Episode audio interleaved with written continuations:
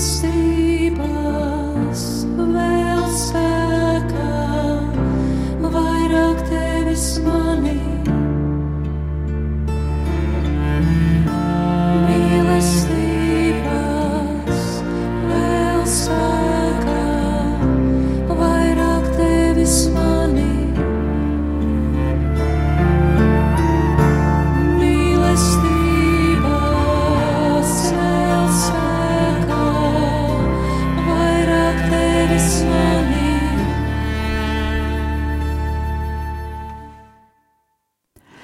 Kristus ir augšām cēlies. Labvakar, mīļie klausītāji! Ir pirmdienas 7. maija vakars, jūs klausāties Radio Marija Latvija, un skanējums sāk raidījums vairāk tevis manī. Studijā es Sandra Preisa. Atgādinu raidījumu kontaktus. Eh, Vienmēr jums ir iespēja zvanīt uz ēteru, ja ir kāda liecība vai kaut kas ir ieinteresējis īpašā veidā. Ētera telefona numurs 67 969, 131, 67, 969, 131. Numurs īsiņām kā parasti 267, 72, 72, 26, 67, 72, 72. E-pasts vairāk tevis manī at gmail.com vai saziņa Facebook lapā. Šīs dienas tēma īsumā. Būsiet jau pamanījuši, kā runājam par narcisēm, narcisiem, bet nevis bioloģiskā, bet gan teoloģiski, psiholoģiskā nozīmē. Šodien arī turpināsim par narcisiem un narcisēm, un atcerēsimies, ka viens no līdzekļiem, lai mēs šai pasaulē varētu izdzīvot un nepazaudēt sevi un savu ticību, ir zināšanas, bet eh, pēc raidījuma mājas darbs lūksim gudrību, iegūtās zināšanas pareizi lietot. Šodien um, iesoļojam liturģiskā laika, lieldienu laika noslēguma posmā, jo 10. maijā, ceturtdien, ir Jēzus Kristus debeskāpšanas diena, bet 20. maijā pēc nedēļas jau vasaras svētki. Šodien atradu kādu lūkšanu jaunavai Marijai rītausmas vārtu jeb Ostrobramas divmātei. Šī lūkšana ļoti sasaucas ar mūsu raidījumu tēmu, Tādēļ iesāksim raidījumu ar to, bet lūkšanas muzikālajā daļā jau sāksim domāt par vasaras svētkiem un svētā gara atnākšanu. Bet tagad lūksimies Dieva tēva un dēla un svētā gara vārdā Āmen. Visvētā jaunā Marija, debes karaliene, mana valdniece un Dieva māte, iežēlojas un glāb tavus kalpus no ļauniem un viltīgiem cilvēkiem pasargā no apmelojumiem un visām nelaimēm. Mūsu valdniece, Ostrobramas dievmāte, glāb mūs no ļaunā gara varas, no redzamiem un neredzamiem dvēseles un miesas ienaidniekiem, no nežēlīgām vajāšanām un no visiem ļauniem apstākļiem. Glāb mūs no nelaimīgas nāves. Āmen!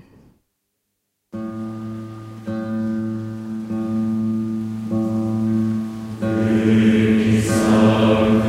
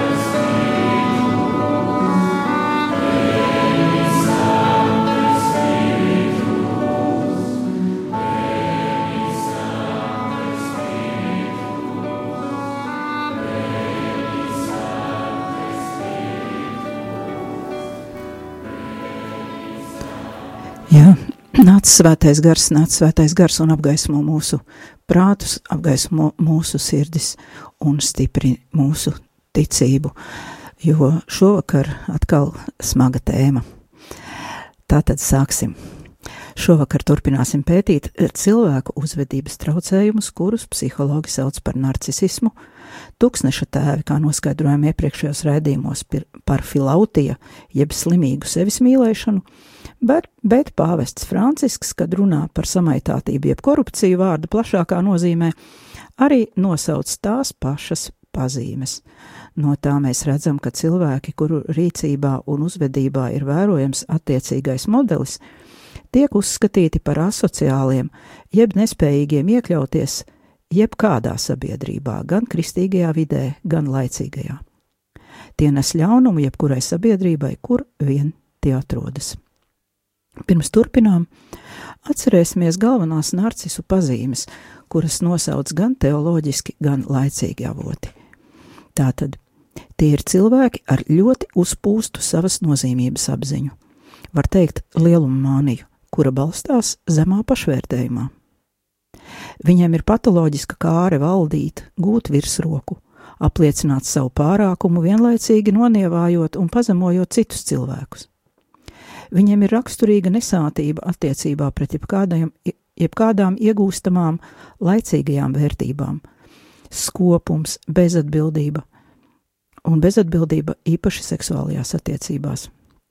Viņi ir lieliski manipulatori, ļoti šarmanti un asprātīgi, bieži ar augstu IQ, jeb intelekta koeficientu un labu izglītību, tāpēc ir grūti atklājami. Viņi manipulē ar cilvēkiem, spēja ar vārdiem nogalināt bez jebkādiem sirdsapziņas pārmetumiem. Viņiem nav spējas iesties otrā cilvēkā, nav līdzjūtības, empātijas, bet viņi var to labi notēlot, ja ļoti vajag, savu mērķu sasniegšanai.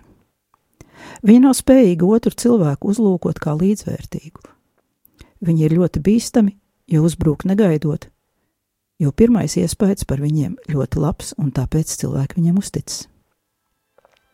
Lai atmaskotu narcisistu, viņš ir jāpazīst ilgāku laiku, jo kaut kādas līdzīgas pazīmes uzvedībā šad tad ir redzamas arī cilvēkiem, kuri nav narcisi, bet ir vienkārši slikti audzināti vai kaut kādā tādā psiholoģiskā stāvoklī, ka uzvedas neadekvāti. Atšķirība ir tā, ka narcisi nemainās. Viņi atkārto savu rīcību cikliski, kamēr vien, kamēr veselais cilvēks, kurš ir izdarījis kaut ko līdzīgu, kādu muļķību, to nožēlo, lūdz piedošanu un vairs neatkārto. Narcisi piedošanu nelūdz. Dažreiz viņi pieprasa piedošanu, bet nelūdz. Savukārt vainīgi vienmēr izrādās viņu upuri. Līdzīgi pāvests Francisks runā ar teoloģiskiem terminiem. Savā darbā Korupcija un grēks viņš stāsta, kā atšķirt parastu grēcinieku no samaitāta jeb korumpēta cilvēka. Grēcinieks atzīst, ka viņš ir grēcinieks, viņš nožēlo savu grēku un ir laimīgs piedzīvojot dieva žēlastību un mīlestību, piedošanas un izlīkšanas aktā. Savukārt korumpēta cilvēka seja, kā saka pāvests Francisks, ir nevainīga kā svētbilde. Viņš zina dažādus paņēmienus, kā izkļūt sveikā, līdzīgi kā viltīgais nama pārvaldnieks, par kuru stāsta Lūkas evaņģēlijas 16. nodaļa 1 līdz 8, un kurš jau tolaik dzīvoja ar uzskatu, ka tikai muļķi nezoga. Korumpēti cilvēki, saka pāvests, veido savu pašcieņu uz melīgas attieksmes, izmantojot sava izdevīguma īsākos ceļus, maksājot par to ar savu un citu cilvēku patieso cieņu. Kā redzam, šī problēma ir sena kā pasaule, un neviena sabiedrība nav no tās brīva. Gan laicīgā, kā norāda pāvests, arī konsekrēto videnē. Bet ko darīt? Vai tiešām viss ir bezcerīgi? Noteikti nē. Mums katram ir jāsāk pašam ar sevi un ar vidi sev apkārt. Tāpēc klausīsimies, uzņemsim zināšanas un lūgsim Dievam gudrību šīs zināšanas pareizi izmantot.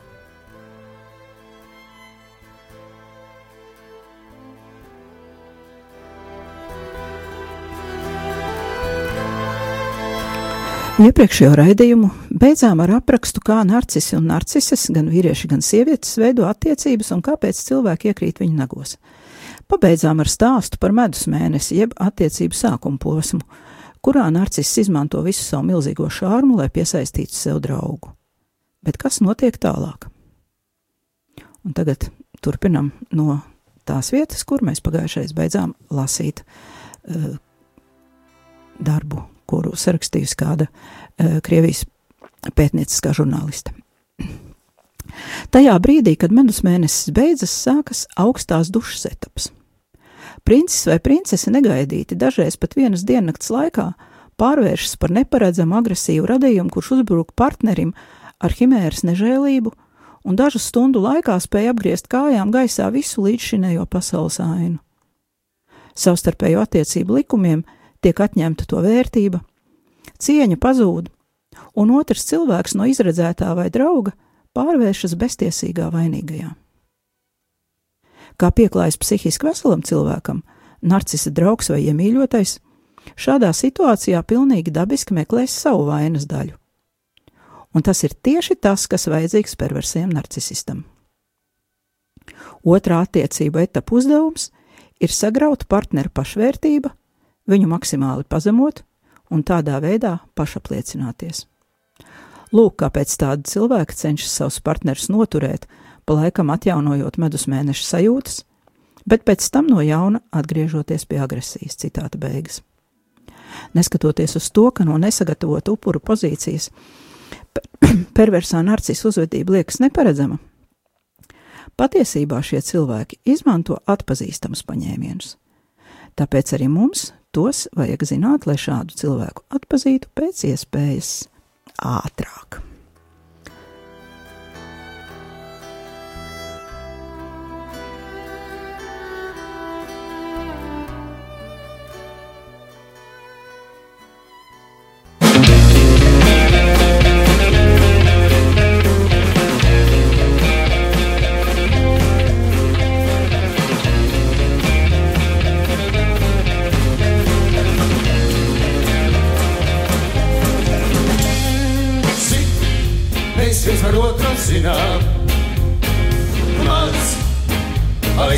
Maz. It kā kopīgi svētkus svinām, it kā kopīgas darbienas, un izliekamies, ka pazīstam zinām. Tiekamies kaut kur kruselēs, katrs savu kamolu tinām bet gudri, cik gudri.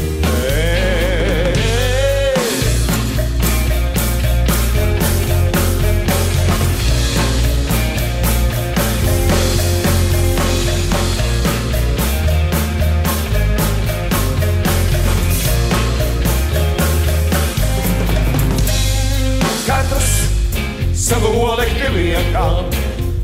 Otra dzīve ir kā drēbē klāt.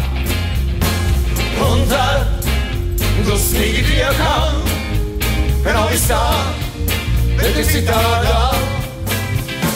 Un izšķiekamies, ka pazīstam zinām, bet dievam tik maz, tik maz. It kā kopīgu svētkus svinām, it kā kopīgas darbdienās.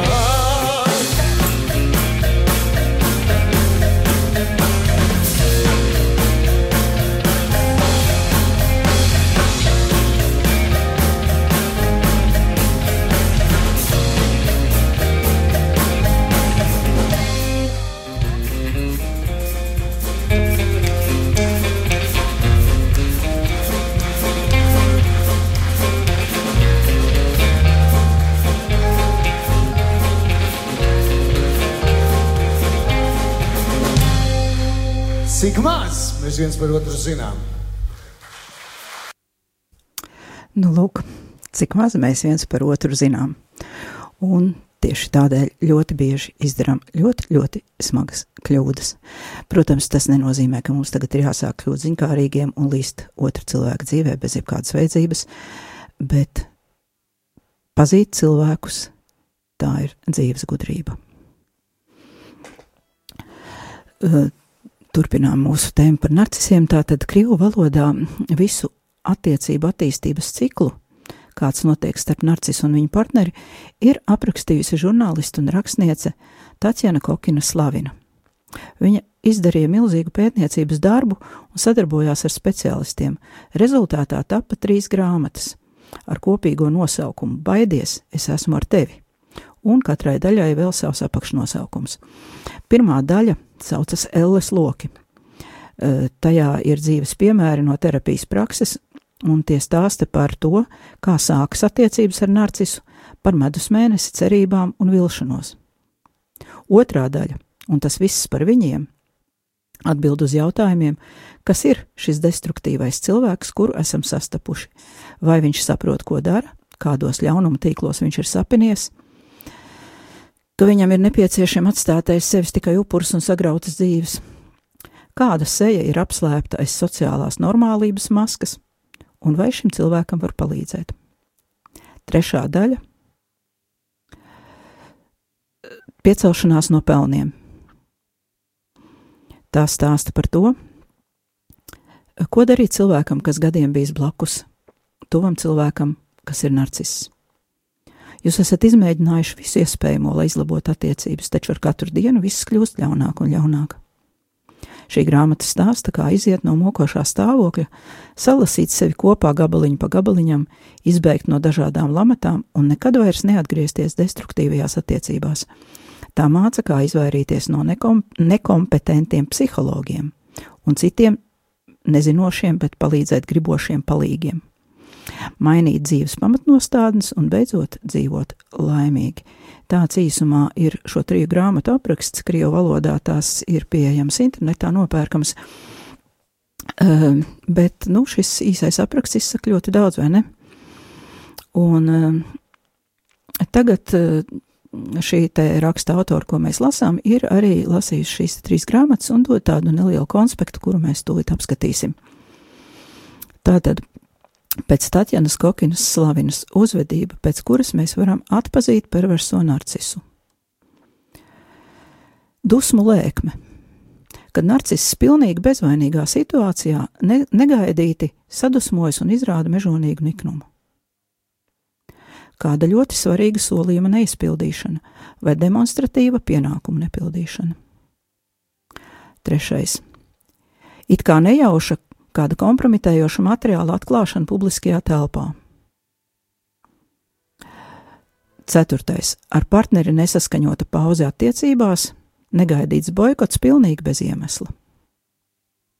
Piektā pazīme - noteikumu saraksta piestādīšana pēc šādas mm, jocīgas šķiršanās. Tātad tiek uzstādīti noteikumi, lai varētu turpināt vai atjaunot attiecības. Sestā pazīme attiecību atsalums, ļoti jūtams attiecību atsalums bez redzama iemesla. Autori piebilst, ka, protams, līdzīgas lietas var gadīties arī starp pilnīgi veseliem cilvēkiem. Eh, Tomēr eh, narcisu gadījumā ir vēl papildus pazīmes. Piemēram, ļoti asas un negatīvas atbildes reakcijas uz kaut ko pavisam nevainīgu, negaidīti izgājieni un pilnīgs attiecīgu motīvu trūkums, lai kaut kādus šos negaidītos izgājienus atļautos. Tad vēl viena ļoti raksturīga pazīme ir notikušā noliekšana no iespējamā narcisista puses. Angliski to sauc gaslighting. Arī krievi viņu netulko citādi, arī saka gaslighting. Tātad tā ir manipulācijas metode, psiholoģisks varmācības forma, kad tas, kurš manipulē, mēģina nostādīt otru cilvēku muļķi lomā un panākt, lai gan viņš pats, gan apkārtējie sāktu apšaubīt viņa veselo saprātu. Tas var izskatīties kā mēģinājums apšaubīt to, ko partneris ir reāli skaidri redzējis savām acīm un dzirdējis. Partneris tiek iepīts muļķīgā diskusijā un tiek piespiests izdarīt nepareizus secinājumus. Raksturīgās frāzes, kuras šādos gadījumos lieto narciss un ko var atpazīt uzreiz, nekā tāda nav bijis, nesaprotu, par ko tu runā, tu visu sarežģīji, tu esi pārjūtīgs vai pārjūtīga, tu pārāk asi reaģē uz parastiem aizrādījumiem un līdzīgi. Šāds spiediens parasti pamatīgi izsit no līdzsvara, tik tālu, ka cilvēks patiešām var sākt šaubīties pats par sevi. Neglītā scēna pēc medus mēneša noslēdz pirmo attiecību apli, un pēc tam tas sāk cikliski atkārtoties. Labās fāzes kļūst arvien īsākas, ļauno ilgums pieaug, un attiecības starp narcisu un viņa draugu vai partneri vai darba biedru sāk izskatīties pēc bipolārās maniakālās depresijas, un abi partneri pie tam, ja ir tuvākās attiecībās, kļūst līdzatkarīgi. Esiet gatavi ar vien īsākiem cikliem, saka izrēliešu rakstnieks Sems Vankins, grāmatu pārdzīvot narcisu, ļaundabīgā sevis mīlestība, kā izšķirties no narcisa un psihopāta un citu grāmatu autors. Viņš saka tā, narciss vispirms idealizē savu partneri, bet pēc tam atņem tam jebkādu vērtību. Šī straujā un nežēlīgā vērtības un cieņas atņemšana arī ir narcisa agresijas būtība. Narciss izmanto otru cilvēku, melo, padara bezjēdzīgu, apvaino, ignorē, manipulē, kontrolē. Kontrole ir tas, kas viņu raksturo vislabāk. Tā ir primitīva, nenobriedusi reakcija uz apstākļiem, kuros visbiežāk bērnībā narciss ir bijis bezpalīdzīgs. Attiecībās ar partneri narcisi bieži apelē pie sava superjūtīguma. Tas ir, viņi eh, kā argumentu uzstāda kaut ko, ko viņi ir jutuši, nevis kas ir reāli noticis vai reāli pateikts vai, vai reāli redzēts, bet viņi tā kā balstās savās ļoti neapstrīdamajās sajūtās un ir spējīgi radīt problēmu tukšā vietā. Šādā gadījumā otrs cilvēks neatgriezeniski zaudē tiesības uzdot jautājumus un saņemt atbildes, runāt par savām jūtām un pat dusmoties. Dusmas un neapmierinātība tiek nosauktas par nesaprātīgām vai iracionālām, jo redziet, lai perversais narcisists pilnībā iegūtu varu pār otru cilvēku un padarītu leģitīmu cilvēcisku jūtu trūkumu no savas puses, narcisam ir nepieciešami depersonalizēt otru cilvēku, sagraujot viņa dziļāko būtību. Otrajā attiecību etapā perversajam narcisistam ir divi atpazīstami ieroči. Pirmais ir tā sauktā noturēšanas taktika. Tas nozīmē, ka otram cilvēkam tiek liekta jebkāda attiecība apspriešana un iespēja izteikt savas domas un jūtas. Un šis cilvēks turas pie narcisa cerībā, ka, nu, nu kaut kad taču mēs varēsim izrunāties. Nu, labi, šodien nesanāca, nu, rīt. Savukārt narciss uh, maina sarunas tēmu. Sāk, piemēram, vārīt kafiju vai mazgāt traukus, vai sarunas vidū ieslēdz TV un spaida pulti. Atliek sarunu uz vēlāku laiku, dzen neadekvātus jokus, sūdzās par sliktu pašsajūtu, sarunu biedru teikto arī pārvērš par joku un visvisādi citādi devalvē sarunu biedru. Narciss var arī demonstrēt acīm redzamu neieinteresētību sarunā un vienlaicīgi noliegt, ka tā ir, tādā veidā sadusmojot sarunas biedru, bet pēc tam izsmiet viņa dusmas un tādā veidā pazemot. Otrā metode saucas mocīšana ar ūdeni. Tā notiek bez balss pacelšanas. Procesā narcisists izkropļo partneru teikto vārdu nozīmi, apgriež visu kājām gaisā un noved viņa teikto līdz absurdam, pats paliekot garlaicīgi relaksētā izskatā.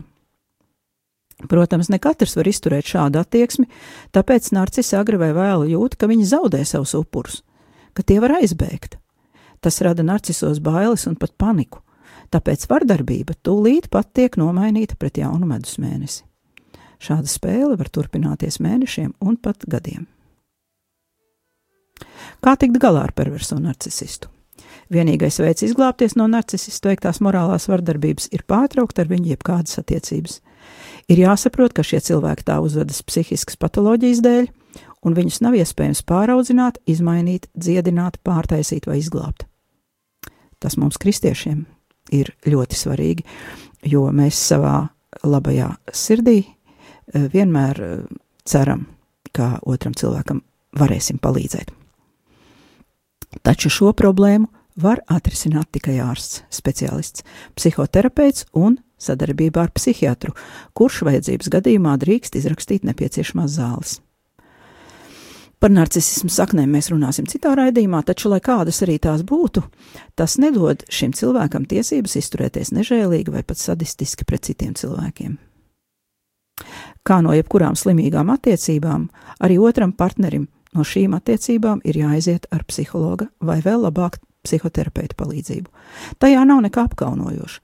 Mēs taču nebaidamies iet pie ķirurga ar savu traumēto potīti un neiedomājamies to mēnešiem ilgi ārstēt ar ceļ, ceļmalu lapu kompresēm. Sarunas ar speciālistu var mums palīdzēt pārdzīvot pazemojumu un zaudējumu sāpes, salikt visu savās vietās, saprast, kas tad īsti ir noticis un kā ar to tikt galā. Vienīgais veids, kā izglābties no perversā narcisista, ir pārtraukt ar viņu jebkādas attiecības. Kaut kāda vidusceļa, kā piemēram palikt attiecībās ar narcisistu, bet izārstēties pašam, diemžēl nav. Narcistiskos uzvedības traucējumus ir ārkārtīgi grūti korģēt, nerunājot nemaz par to, ka jo smagāki ir šie traucējumi, jo mazāk narcists tos grib redzēt un atzīt, tā tad arī ārstēt. Perversais narcisists drīzāk mēģinās manipulēt savu ārstu, nekā mainīties pats. Romāni, draudzība un pat lietišķas attiecības ar perversiem narcisistiem parasti prasa upuriem lielus asins zudumus. Tāpēc vienīgais veids ir saraut attiecības, un jo ātrāk, jo labāk. Bet vislabāk pat neuzsākt šādas attiecības vispār, pamanot pirmās pazīmes. Jo tāpat kā jebkurā medicīnas nozarē, arī psihiskās veselības jomā, profilakse vienmēr ir labāka un lētāka nekā ārstēšanās. Īpaši, ja ņem vērā, ka pēc attiecībām ar narcisu jāmaksā būs ne tikai ar naudu, bet arī ar savu garīgo labklājību un savas personības viengabalainību, kuru restaurēt ir stipri grūtāk nekā saudzēt laustus kaulus. Ar to tad šovakar arī beigsim. Domāju, ka ir pietiekami daudz vielas pārdomām. Nākamajos raidījumos paskatīsimies, kādas kļūdas mēdz darīt kristieši un vispār labas gribas cilvēki, ja viņi nav sapratuši situāciju, un cik dārgi var maksāt mūsu kļūdas. Paskatīsimies arī, kādi cilvēki kļūst par upuriem, kādi izskatās potenciāli upuri un kādi izskatās upuri, kuri nonāk terapeita kabinetā. Ko nozīmē traumas un kā izskatās traumas sekas dzīvē? Es pieņemu, ka katrs no mums atklās, ka vismaz reize dzīvē ir bijis ļoti tuvu klāt šādām situācijām un cilvēkiem. Ja ne pašiem narcisiem, tad varbūt arī viņu upuriem. Mums, kā kristiešiem, ir jābūt gudriem, lai nepazaudētu paši sevi dzīvojot pasaulē, un spētu nosargāt to, kas mums ir svēts un dārgs. Raidījums vairāk tevis manī izskan. Es, Sandra Preisa, no jums atvedos līdz nākamajai reizei.